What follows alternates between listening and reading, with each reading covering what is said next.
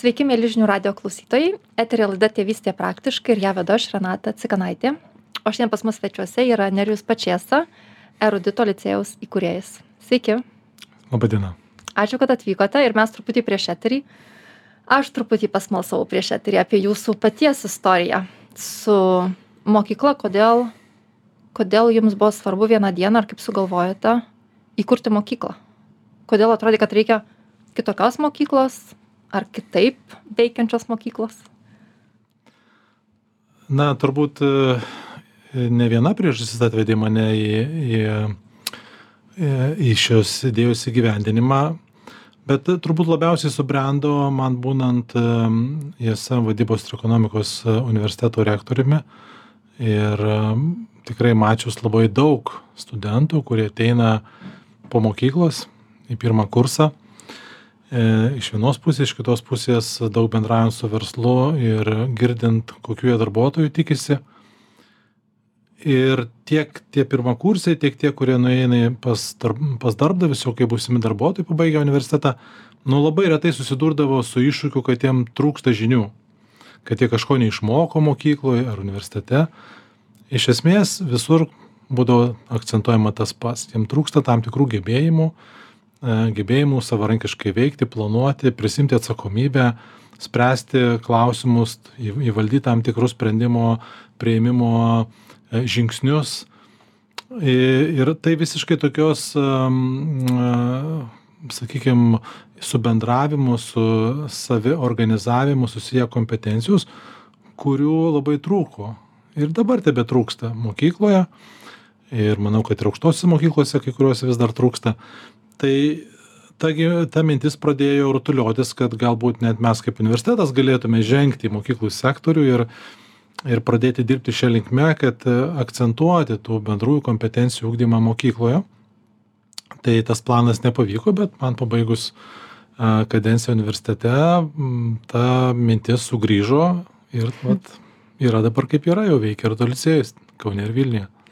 O tai kas atsitinka? Nes e, jeigu mes visi va taip pagalvotumėm sekundėlę apie labai labai jauną vaiką tai jis iš savęs labai yra iniciatyvus jam viskas smalsu jisai nori ištyrinėt viską nuo a iki zet ir būtent jeigu kažkuriuo momentu kažkas perima kontrolę iš išorės ir sako šitą dalį už tave padarysiu jisai sakys ne pradės rėkt ir sakys aš pats noriu padaryti tai kas atsitinka kad mokykloje tos savybės dings ir staiga jūs sakot ateina jauni žmonės e, į universitetą arba net po universiteto ir tų savybių visai nebeturi? Na, mokykla tokia, kokia jinai yra užgimus tradiciškai, palieka labai mažai vietos tai iniciatyvai ir atsakomybei. Nes iš principo to privalai įsisavinti turinį, kurį tau duoda, tu privalai padaryti tokius darbus, kurių iš tavęs prašo, tiek apimties prasme, tiek formato prasme, tu privalai atsiskaityti taip ir tokiu būdu, kaip jas prašo. E, nelabai su tam, kas tarėsi, kada ir iš ko tu, e, tu turėsi atsiskaityti. Ta sistema pagimdo netoleranciją klaidai. Tai reiškia, suk, suklydus, labai dažnai išgirsi iš suaugusių, tai mes tau taip ir sakėm, kad jeigu nedarysi, tai bus klaida, reiškia, visa aplinka tave palaipsniui spaudžia, kad tu privalai daryti, kas tau sakoma, mažiau diskutuot, mažiau ginčytis, nes visi, kurie diskutuoja ir ginčiasi, tampa nepatogiais mokiniais. Ir taip mes per 12 metų subrandinam žmogų, kuris nesiginčia, nediskutuoja, klauso ką jam sako kiti o galiausiai nebedaro nieko pats nes kol jam kažkas nepadarė ką ir kokiu būdu daryt tas nevyksta. Ir ir turbūt tokių darbuotojų irgi yra labai daug kurie sako taigi man nieks nesakė o man nieks neparodė o aš nežinau kaip. Tai tą mes atsinešam paskui į tą profesinę rinką ir vieni vieni patys susiformuojam tas kompetencijas nesuprasdami kad jų trūksta besimokydami toliau, besimokydami iš kitų, iš kolegų, kiti papuola gal ir tokias labai geras profesinės aplinkas, kuriuos augina ir, ir išmokina, kai kurie tokie ir išlieka. Ir aš manau, kad mūsų visuomenėje tokių dalis yra visai nemaža. Ar jūs manot, kad mokykla iš pat pradžių buvo sukurta, sumastyta su tokia intencija? Ar taip atsitiko eigoje ir procese? Matot mokykla užgimė prieš daugiau negu šimtą metų tai jinai sprendė visai kitus uždavinius ir iš tikrųjų reikėjo paruošti e, tam laikmečiui e, šiek tiek raštingus žmones kurie galėtų dirbti darbus pagal labai aiškius nurodymus ir aiškias instrukcijas. E, darbų dar prieš penkiasdešim metų nu nebuvo tiek daug kur tu galėjai reikštis labai laisvai ir įvairiai ane E, bet ačiū Dievui visuomenė labai keičiasi ir aplinka keičiasi ir, ir darbo rinka pasikeitė drastiškai. Mes dabar visi norim iniciatyvių darbuotojų, kūrybingų, atsakingų, kurie imtųsi e, verslių, verslių įgyvendinti savo idėjas. Tai aplinka pasikeitė jau ir gana stipriai. Mokykla taip greit negali keistis. Ir nesikeičia taip greitai tai manau kad tą pokytį mes matom visose mokyklose bet jis labai lėtas todėl visi šiek tiek ir padiskutuojam tomis temomis kaip mes norim kitokios mokyklos privačios mokyklos tą pokytį inicijuoja didesnį bet aš visada sakau net ir atstovaudamas privačią mokyklą mes esam tos pačios visuomenės dalis ir esam susisiekiantys indai. Mes negalim nueiti per toli nes arba mūsų nesupras arba mus išstums arba mus sugrąžins vis tiek kažkiek kad mes per toli nuėjom. Tai reiškia na visuomenė vis tiek turi pasiruošti ir pokyčiui mokyklose. Dar darbinėj aplinkoj tie pokyčiai ateina žymiai greičiau. Mokykloje net ir mes būdami tėvais nesam pasiruošę tokiem pokyčiam nes galvojam kad labai didelė rizika. Ir vien viena užlips na viena vaikai ant galvos. Ne ne dėl to tiesiog e, jeigu mes pradedam matyti kitokius formatus mokykloje ir kitaip e, kitaip ugdomus e, savo vaikus tai mes abejojam. Taip dėl dviejų dalykų. Viena na galim sakyt užlips ant galvos abejojam dėl to ar ar išauklėsim juos tinkamai nes gal kažkaip ne taip išauklėsim nes vis tiek turim kažkokį algoritmą savyje jį pakoreguojam trupučiuką adaptuojam pagal šitą laikmetį bet na ne per daug kad nebūtų radikalu. Ir kita mes turim vėlgi kažkokį supratimą apie tai ko mokomasi mokykloje. Na tai irgi kažkiek pare pakoreguojam adaptuojam bet ne per daug nes nu gal paskui neatitiksim kažkokio testo ar ar kažkokio savo įsivaizduojamo žinių bagažo kurį moki mano vaikas turėtų išsinešt iš mokyklos. Tai realiai visuomenė lyg ir nori ir tikisi pokyčio mokykloj bet taip pat ir stabdo jį. Ir tie lūkesčiai mokyklai, aš manyčiau, kad e, iš vienos ties labai dideli, nes kažkaip mes tikimės, kad mokykla ten ir turėtų viską sužiūrėti, ko reikia, kad mūsų vaikai išeitų savarankiški, nepriklausomi, kūrybingi ir tuo pačiu kaip tėvai mes labai daug ir norim kištis į tą ugdymo procesą ir apie viską turim nuomonę. ar tai gerai ar negerai, ar mokytas geras ar negeras. Tai čia yra toks kompleksinis procesas, kur daug, daug dalyvių dalyvauja jame ir tikriausiai vėlgi rasti bendrą kalbą nėra greitas procesas. Mhm. Matot, tikrai aplinkoje yra labai mažai sričių, kur absoliučiai visi turi patirties tai mokykloj iš esmės absoliučiai visi yra buvę. Tai reiškia, visi, na, lyg supranta, kas mokykloje turėtų vykti ir, ir kaip turėtų vykti, ir kas yra gera mokykla, ir geras mokytojas, ir geras ūkdymo procesas.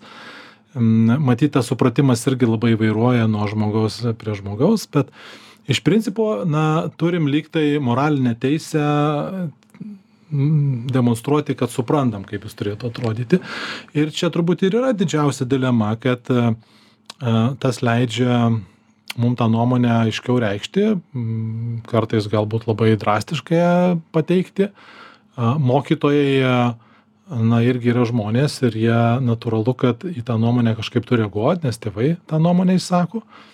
Ir mokytojai na tikrai retas mokytojas yra toks proaktyvus ir tiek kompetenciškai tvirtas kad jisai galėtų sakyti žiūrėkit na aš esu tas ugdymo proceso šeimininkas kuris turiu kompetenciją ir suprantu kaip jis turi e, būt organizuojamas. Dažnai mokytojui yra patogiau galbūt na kažkiek e, e, vadinkim įsiklausyt į tą nuomonę ir padaryt kaip tie tėvai nori dėl šventos ramybės. Ir tada mes turim labai blogą užsuktą ratą nes tada tėvai galvoja kad na va jeigu būčiau nepasakęs tai gal tas mokytojas būtų kažko ir nepadaręs. O jeigu jam reikėjo pasakyt tai gal jis nelabai ir supranta ką daryt. Na ir tada jau mes per tą tokią sakykim savo kaip tėvų galią a iš esmės e, e, tam tikra prasme sumenkinam ir kompetenciją mokytojų ir ta ir savivertę. Ir kai mes kalbam apie tai kad na kur ta mokytojo savivertė kur prestižas mokytojo profe profesijos tai na va tai yra ilgalaikių jau tokių ciklų pasekmė kada tėvai savo galia gal net ir ne tikrai ne iš blogos valios rūpinasi savo vaiku gal užduoda a daug ir sudėtingų klausimų. Ir per laiką mes turim tai ką turim mokytojas e, tikrai nedažnas linkęs e, stipriai argumentuoti tėvam kaip čia turėtų būti. Tai va tas sakykim lyg tai e, gerų intencijų vedinas tėvų dalyvavimas ugdymo procese jisai realiai pagimdė reiškinį kurį mes dabar turim ir kuriam reikia tokių lozungų kaip padarykim mokytojo profesiją prestižine kažkodėl galvodami kad čia tik atlygio klausimas tikrai ne aš iki šiol girdžiu kai jūs pasakėte kad mes esame ar būtumėm privatus ar ar viešas sektorius mes esame visi tos pačios visuomenės dalis ir mokytojas kuris dirba mokykloje jisai nėra tikriausiai iš esmės labai skirtingas nuo mamos ir tėčio kurie su vaiku gyvena namuose. Mes aišku visi kaip žmonės skirtingi bet jeigu grįžt vėl prie to paties principo kad mes visi iš tos pačios visuomenės tai kažkiek mokytojas atspindi mane ir aš kažkiek savęs irgi galiu rasti mokytoje ir tikriausiai panašiai kaip su politika kai mes kritikuojam žmones kurie mums kuria įstatymus pamiršdami iš esmės kad jie vis tiek jie jie jie yra mūsų dalis kad jie į mus panašūs mes į juos panašūs. Tai su mokytoju tikriausiai tas pats principas turbūt taikomas kad mokytojas irgi yra žmogus jisai klysta kaip ir aš mama ir tėtis klystų namuose irgi labai dažnai ir priimu ne tuos sprendimus. Ir kaip jūs sakot ką darom tada kai suklystam ar klaida mane nurašo apskritai kaip žmogų ar aš iš klaidos pasidarau tam tikras išvadas atsiprašau jeigu reikia ir einu toliau tai va čia jūsų dabar tame pasisakyme klaida turbūt yra labai svarbus žodis e, sąvoka samprata. Nes e, jeigu mes norim atsakingo žmogaus iniciatyvaus verslaus reiškia mes turime išmokt toleruot klaidą. Nėra nei vienos iniciatyvos nei vieno verslo nei vieno projekto kuris praeitų be klaidų versle mes į tai žiūrim truputėlį kitaip net išmokom sakyt kad na klaida tai da iš ko gali mokytis.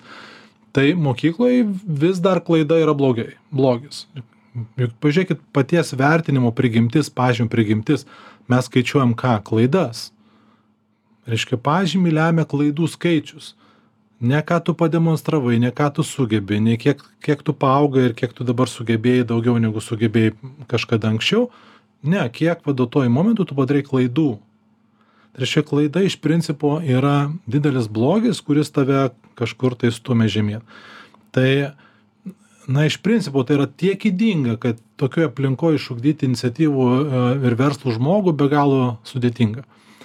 Tai tada mes tą patį perkeliam į mokytoją nes mokytojas turi irgi būt tobulas kuris niekada neklysta ir jeigu suklydo tai jau yra pasaulio pabaiga ir ir visą tą lūkestį mes sukeliam ant vaikų ir mokytojų. Ir tada tikimės tobulos mokyklos. Tada kas vyksta? Ir va čia vyksta tai ką aš vadinu labai lėta mokyklos kaita. Įvyksta todėl kad mokytojas priverstas būti labai saugioj zonoj mhm. kad irgi nepadarytų klaidų. Mokytojas priverstas irgi vertinti taip objektyviai kad būtų sunkiai kritikuojamas tai reiškia kaip gali mokytojas vertinti na jūsų gebėjimą tarkim raiškiai kalbėti ane ir išreikšti savo mintis arba jūsų kūrybingumą arba jūsų iniciatyvą. Nu negali nes jis bus tuoj pat apipiltas klausimais kaip jūs čia išdrįsot kažką vertinti ane. Tai jam yra patogiau duoti testą kuriame labai lengva suskaičiuoti klaidas. Tai kol mes tokioj aplinkoj būsim mum švietimo sistemą pakeist bus labai sudėtinga. Nes šv kaip ir bet kokia sritis ji laikosi ant kompetencijos ant ekspertizės tam tikros tai jeigu yra mokytojas kuris turi kompetenciją vertinti mokinio gebėjimus ir tų gebėjimų kaitą tai nebūtina jam turėti vien tik objektyvius kriterijus kurie išmatuojami klaidomis jis turbūt gali matyti pozityvų pokytį ir jį irgi vertinti. Tai vad, kai mes tą pripažinsim, kad mokytojas gali tai vertinti ir tai neturėtų būti kvestionuojama, tada mes pajudėsim iš mirties taško. Tas yra įvykę. Man, man labai daug atvėrė akis, aš prieš gerus 15 metų buvau Harvardo verslo mokykloje ir tada e, kadangi tai verslo mokykla, tai visos paskaitos buvo ne paskaitos, o buvo situacijų sprendimai, tai vadinam case analysis. Ir ir tada ma man pirmas klausimas buvo toks nu vis tiek posovietinis o tai kaip jūs tada įsivertinat tai mokytoja dėstytojas turi planą auditorijos žino kur kas sėdi vyksta diskusija ir iš tos diskusijos jisai vertina. Ką vienas pasakė ką kitas kaip mąstė kaip argumentavo. Ir nieks nesiginčija kodėl vienas gavo vienokį ar kitokį pažymį nes dėstytojas taip nusprendė jis taip matė tai mūsų aplinkoj tas neįsivaizduojama nes reiškia kad tą dėstytoją tikėtina kad ten suvalgys ir studentai ir paskui tėvai savo klausimais ir ir ir kodėl man tiek o kitam tiek ir kaip čia buvo nes mes tą turim aplinkoj nuolatinį kvestionavimą kompetencijos. Tai vat mokytoją mes įstūmėm į tą saugią zoną kur galėtume mažiau kvestionuot jo kompetenciją. O paskui norim kad jis būtų irgi iniciatyvus labai kūrybingas labai visokių veiklų prigalvotų mokiniam ir ir būtų lygiai toks pat šaunus kaip ir mes tikimės su vaiku bet be klaidų. Kai jūs sakėt, kad mokytas nori jaustis saugus, galėdamas įvertinti, aš pagalvoju, kad mokinys mokykloje taip pat e, yra įspraudžiamas į, į, į, į, į kampą, kuris irgi nori jaustis saugus mokydamasis, jeigu mokykloje klaida nėra vertinama. Aš, pavyzdžiui, iš mokyklos išsinešiau tokį keistą dalyką, kurio galbūt nieks nepatikėtų, bet aš mokykloje buvau pirmūnė. Ir iš šono atrod, atrodytų, kad tai pirmūnai viskas lengva mokyklai. Bet man tai buvo nepakeliama našta. Aš niekada negalėdavau sauliaisti, pavyzdžiui, pagalvoti, oi, palauk, kaip čia dar kitaip galėčiau išspręsti matematikos uždavinį.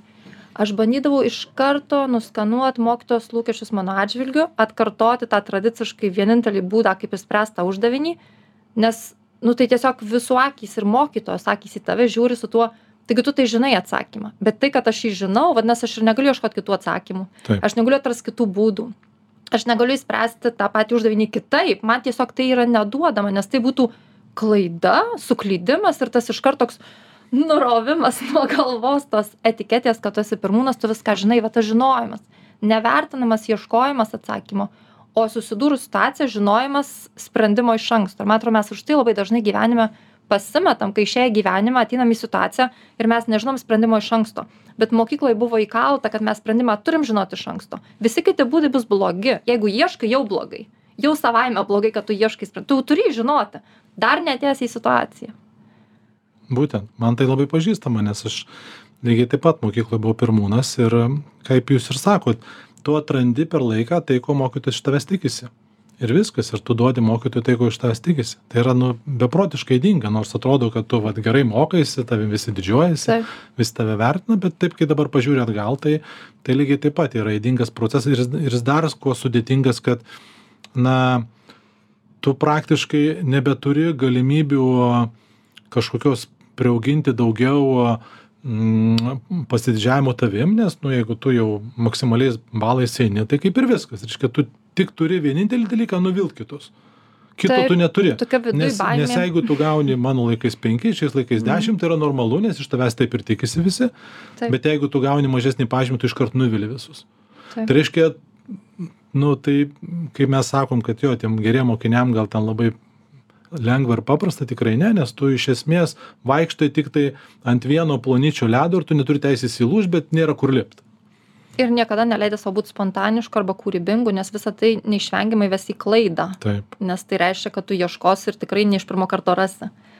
O tai kaip pradėti nuo ko turėtų pasikeisti požiūris mokykloje ir kaip mes turėtumėm pradėti švęsti vat būtent klaidas turint omenyje kad klaida tai yra aš ieškau atsakymo ir ieškodamas atsakymo aš ten surasiu daug ko neieškojau.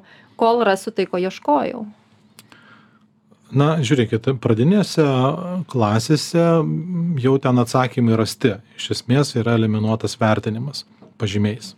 Taip atsirado galbūt kiti ten ženklai žvaigždutės šypsenėlės šviesoforai kokie dar kažkas. Tai nu atsirado kitų elementų, Mums vis kurie... tiek norisi. Jo, vis tiek norisi kažkokį parodyti tą, tą tendenciją, bet, nu, jeigu mes turime e, tą tokį e, atsisakymą labai iškaus kriterijinio vertinimo ir šalia jo įvedam daug formuojamo vertinimo, grįžtamo ryšio apie tai, kaip tau sekasi, kaip tau pastangos davė rezultatą, tai jau mes einam teisinga linkme, nes mes galime ko, ko labiausiai mokiniui reikia sieti jo pastangas su rezultatu. Ir net nebūtinai tas rezultatas visada turi būti teisingas, mes galim gebėti vertinti ir pastangas įdėtas kaip anksčiau sakydavau, nu, gal tu atsakymą neteisingą, bet matau, kad tu Taip. žinoji, kaip spręsti, arba tu teisingai, teisingų kelių ir kas yra svarbiau, ar, ar surasti teisingą kelią, ar būtinai gauti teisingą atsakymą.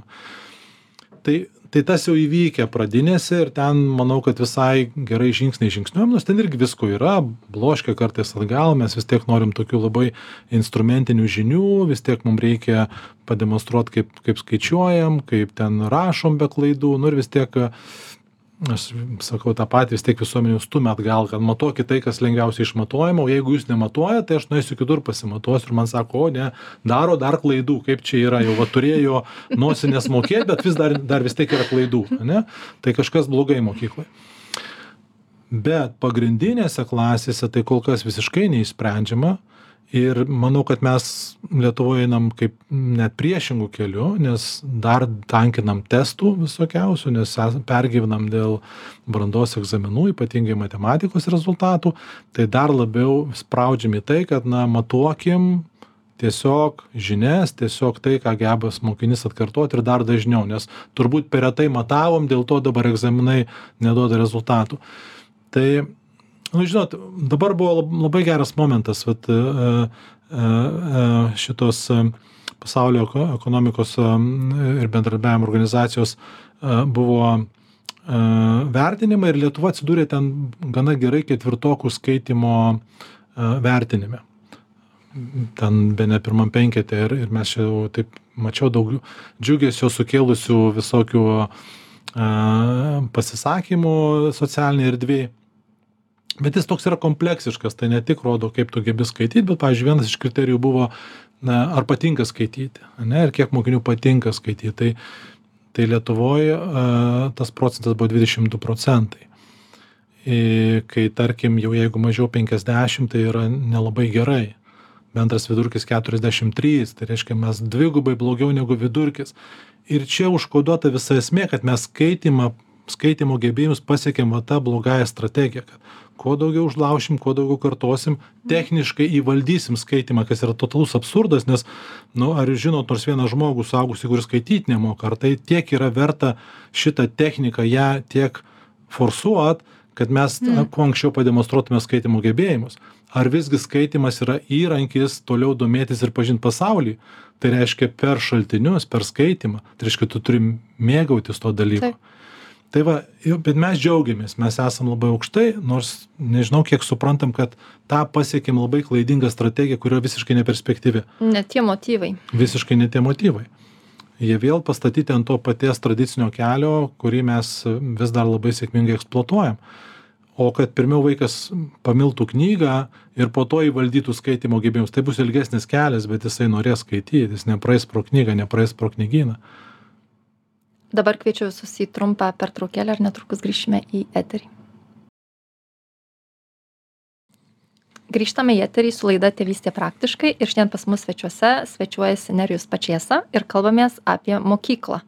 Ir prieš pat pertrauką pagalvojau, jūs sakėte, kad vertinam vaikų žinias, kurias jie gavę pradiniai mokykloje, kiek tų žinių turi ir pagal tai vertinam, ar gerai ar blogai ir aš pagalvojau tai šiandienos kontekste kur mes turim tokį realų jau labai konkretų konkurentą žinių srityje tai yra dirbtinis intelektas kur jisai už mus daug visko daugiau žinos ir ten net jo vertinti nereikės. Ar išvis yra tikslas mums kaip žmonėms tas žinias kaupti ar apie tai turėtų būt mokykla? Kitaip tariant ar mes žinom kam mes šiandien ruošiam vaikus ar mes bent turim nu nu nu nu suvokimą kok kokia bus jų ateitis ar mes kaip tie žmonės kurie augę dar visai kitais laikais ar mes galim nuspėt į ką bus panaši mūsų vaikų ateitis žinot yra toks toks žinių vertinimas reiškia kiek žinios yra vertingos tai žinios vertingos tiek kiek yra sudėtinga jas gauti. Tai reiškia, kokie yra aukšti kaštai žinių gavimų, tiek jos yra vertingos. Na tai buvo laikas, kai knygą buvo sunku gauti, ne? Tai reiškia, jeigu knygą turėjai, ten kažkokių žinių pasisėmėjai, mokytojai buvo turbūt tie vieninteliai šaltiniai. Na, šiais laikais mes gyvenam a, sąlygomis, kada žinių gavimo kaštai yra absoliučiai nuliniai. Nereikia jokių pastangų realiai, kad gauti žinias, ne? Tai, tai jau viena, tai jau rodo žinių vertę. Tai reiškia, pačios žinios kaip po tokios nevertingos, jos vertingos tiek, kiek tu gali su jom kažką nuveikti. Tai reiškia, jeigu su tom žiniom kažką gali nuveikti, jos įgyja vertę. Bet tiesiog žinojimas nebetenka prasmės e, šio laikiniam sąlygom dabar mes įžengėm į erą kai jau tikrai dirbtinis intelektas apsireiškė. Iki tol mes vis kalbėjom kaip čia bus su dirbtiniu intelektu. Mum atrodė kad čia gal atims iš vairuotojų darbą nes automobilius vairuos na gal ten dar iš kažko atims darbą. Dabar pasirodo kad nu beveik iš visų gali darbą atimt nes jau gali daryt viską. Taip. tai tai tuomet klausimas vat kiek a, žmogus bus pajėgus konkuruoti darbo rinkoje su dirbtinio intelekto sprendiniais ir kokiose srityse. Tai akivaizdu, kad tikrai neįmanoma bus konkuruoti žinių kiekiu ir ne tik žinių kiekiu. Yra ir įvairiaus algoritminiais taikymais, tai reiškia tas, kas buvo kažkada pritaikyta, įspręsta, interpretinis intelektas pateiks visada N kartų greičiau ir geriau ir tiksliau. Tai reiškia, žmogus galės tik kurti naujus dalykus, prie kurių dar dirbtinis intelektas neturi galimybės prieiti, kol jis nėra kažkur tai skaitmenizuotas ir pateiktas kaip jau būdas. Kam dar nėra duonbazės? Kam dar nėra duonbazės. Tai įsivaizduojat, reiškia, na, žmogaus kūrybiniai gebėjimai, jo, sakykime, nestandartinis mąstymas, Per klaidas. Per klaidas, nes dirbtinis intelektas klaidų nedarys, valio, Mhm. pasiekėm. bet, bet jis ir nesukurs kažko, nes ne, na, jeigu per Taip. klaidą gali kažką sukurti. Ne, pažiūrėkit, Taip. kiek yra didžių visokių išradimų, ten pradedant kokiais gėrimais ieško... ir ledais, kurie Taip. atsirado per klaidą, visai Taip. netą kūrė. Ne, Net ir vaistai ieško vieno vaisto, išrado visai. Visai kitus. Na tai va, tai reiškia, toliau žmogaus reikia iš tos srityse bet mes suprantam kad tose srityse žmonių ne tiek ir daug procentaliai reiškiasi visi kiti labiau a, dirbo tokie darbą kuris aiškiai apibrėžtas algoritmais instrukcijom tai va ten iškyla didžiulė rizika. O kaip ją tai reiškia kad žmonija visada praėjo per visas tokias pramonines revoliucijas su tam tikrais skausmais kažkas tų revoliucijų metu ne neatrado savęs nes iš jo kažką atėmė bet vis tiek visuomenė prisitaikė visada žmonija ir rado ką kito veikti ir susidraugauti su nauja technologija. Tai čia lygiai taip pat bus. Tiesiog jau tą suprantant reikia labai sparčiai daryti pokyčius mokykloje. Ir mokykloje bendriesiems gebėjimams laiko proporcingai reikia skirti vis daugiau. Vat tiem eksperimentavimui ieškojimui iniciatyvai projektam va tai ką mes darom labai daug. Daug projektų kurie neturi aiškaus algoritmo. Aš tiriu kažką reiškinį problemą sprendžiu jo sprendimų yra daugybė visokių scenarijų. Tie scenarijai apauga kūrybiniais sprendimais ir gimsta kažkas naujo. Vau. Vat kažką padarėm ko prieš tai nebuvo. Tai vat kai mes tokį e, dabar technologiškai kalbant instaliuojam mąstymo tipą žmonėse tada jie galės toliau konkuruoti su dirbtiniu intelektu ir ne tai kad konkuruoti bet galės partneriauti.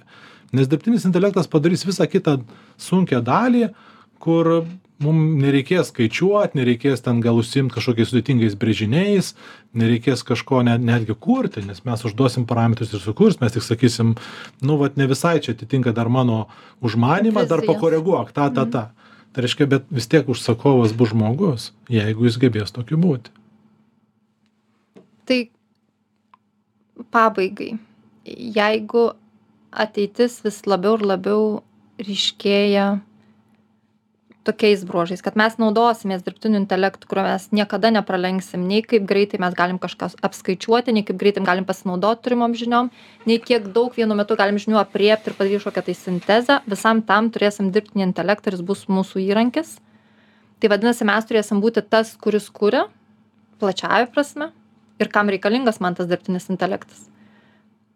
Tai į ką mes turėtumėm akcentuoti dėmesį mokyklą koks turėtų būti esminis mokyklos pokytis e, yra labai nemažai įžvalgų straipsnį apie tai, kokiu čia kompetencijų reikės, kad va šitom sąlygom sėkmingai toliau veikti. Tai, na, kai kažkas yra gražiai suvedęs į 4K. Ir tie 4K yra pakankamai platus, bet juose telpa vis, visi atsakymai, kuria linkme reikia orientuoti e, ugdymą. Tai pirma yra kritinis mąstymas.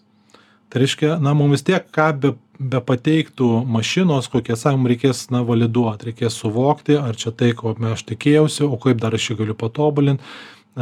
Kritinis mąstymas atsirinkti apskritai informacijų, kuri vertinga ir kuri nevertinga, gebėti sugretinti šaltinius, galbūt tam pačiam dirbtiniam intelektui reikia suformuluoti skirtingas kelias užduotis kad aš galėčiau pasitikrint ar čia tikrai gavau tai tą geriausią versiją darbo reiškia tai kritinis mąstymas jisai iš principo suteikia a, gebėjimus įžvelgti kvestionuoti dalykus gebėti analizuoti a, ir a, daryti išvadas iš to ką aš gaunu ane ir priimti sprendimus iš tų išvadų.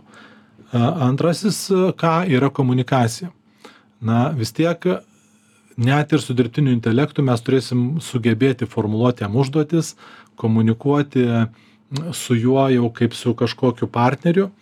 Jau nekalbant apie tai, kad mes komunikuojam tarpusavyje, tarp žmonių, mes, mes turim gebėti save išreikšti kažkaip tam toj visoj informacijos kakofonijoj, būt pastebėti, mūsų mintis kažkur kažkam turi nuskambėti įdomiai. Tai reiškia komunikacija kaip būdas perteikti savo idėjas ir žinias, kad mane išgirstų ir mes turbūt aplinkui dažnai matom kad žmonės kurie nu gal ne visada turi ten labai gerų idėjų ir nelabai ten galvojam kad jau pranašesni už kitus bet jeigu jie puikiai komunikuoja jie žiūrėk eina visur kiaurai. Ir atvirkščiai gal žmogus nepaprastai protingas ir turi nepaprastai gilių įžvalgų bet nesugeba visa tai perteikt na jis liks kažkur labiau pastumtas į pakraštį. Tai jau ir dabar tą matom. Tai o jeigu mes tą sinergiją sukuriam tai puiku. Tada trečias ką yra kūrybinė kompetencija. Tai reiškia, kūrybinė kompetencija, ją galima dėti e, lygybės ženklą, mąstykit taip mąstykit taip nestandartiškai nestandartiškai mąstys e, dirbtinis intelektas. Mum Mm. nereikia atkartot tai ką mes jau žinom mum reikia kažką kurt naujo. Mum kiekvienoj situacijoj reikia surast kitokį kampą kaip mes galėtume į tai pažvelgti e, iš įvairių pozicijų kaip sukurti sprendinį kuris nėra standartinis. Ir ketvirtas ką jis angliškai kolaboravimas tai yra bendradarbiavimas. Tai reiškia vis tiek žmonės toliau kurs dalykus ir ir kurs kartu. Labai mažai sričių kur žmonės dirba po vieną. Tai reiškia vėl išmo gebėjimas dirbt komandoj prisiimt lyderystę prisiimt atsakomybę be susitarti rasti kompromisą. Atrodo paprasti dalykai bet jie gyvenime nenutinka labai Mm. paprastai to reikia mokytis. Ir jeigu tą pradedi mokytis mokykloj gyvenime būsi vis tas sėkmingesnis. Man atrodo, vienas tikriausiai gali nueiti greičiau, bet jeigu nori eiti toliau, neišvengiamai turi bendradarbiauti su tuo, kas yra. tai būtent Ačiū Jums labai, Neriau, kad atėjote į laidą. Ačiū visiems klausytojams. Galite laidą perklausyti tiek kartų, kiek norite, žinių radio svetainėje, žinių radijas.lt. Ir sakau visiems iki kitos savaitės. ačiū Iki. iki